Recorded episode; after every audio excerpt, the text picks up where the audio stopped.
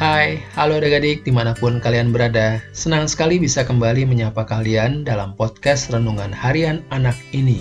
Kali ini adalah momen saat kita untuk teduh bersama Tuhan.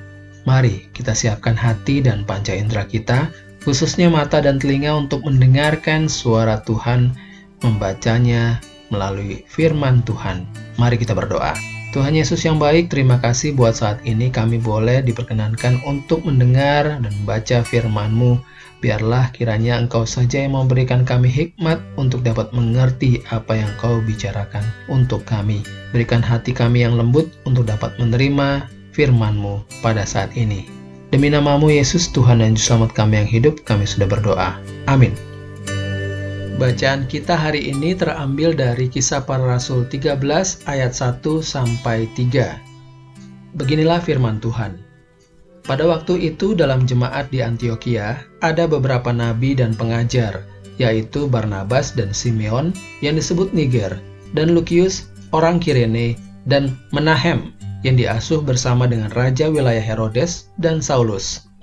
Pada suatu hari ketika mereka beribadah kepada Tuhan dan berpuasa, berkatalah Roh Kudus, khususkanlah Barnabas dan Saulus bagiku untuk tugas yang telah kutentukan bagi mereka.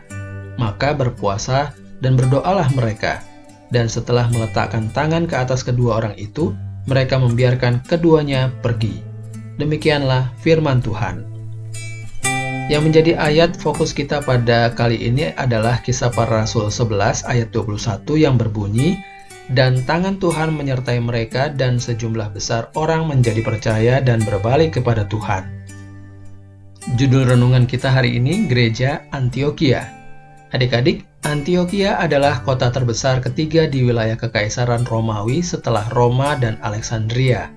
Hal ini mengakibatkan penduduk Antioquia berasal dari beragam suku bangsa. Banyak penduduk Antioquia yang melakukan penyembahan berhala dan hidup tidak bermoral adanya penganiayaan pengikut Kristus di Yerusalem mengakibatkan Injil justru tersebar di Antioquia.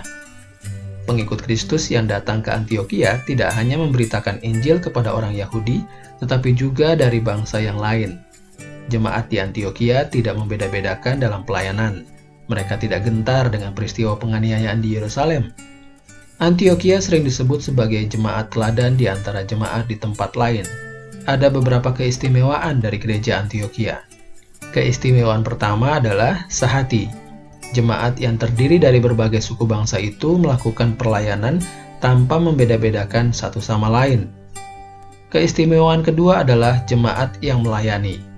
Anggota jemaat mengumpulkan sumbangan untuk membantu pelayanan di dalam dan di luar gereja Antioquia.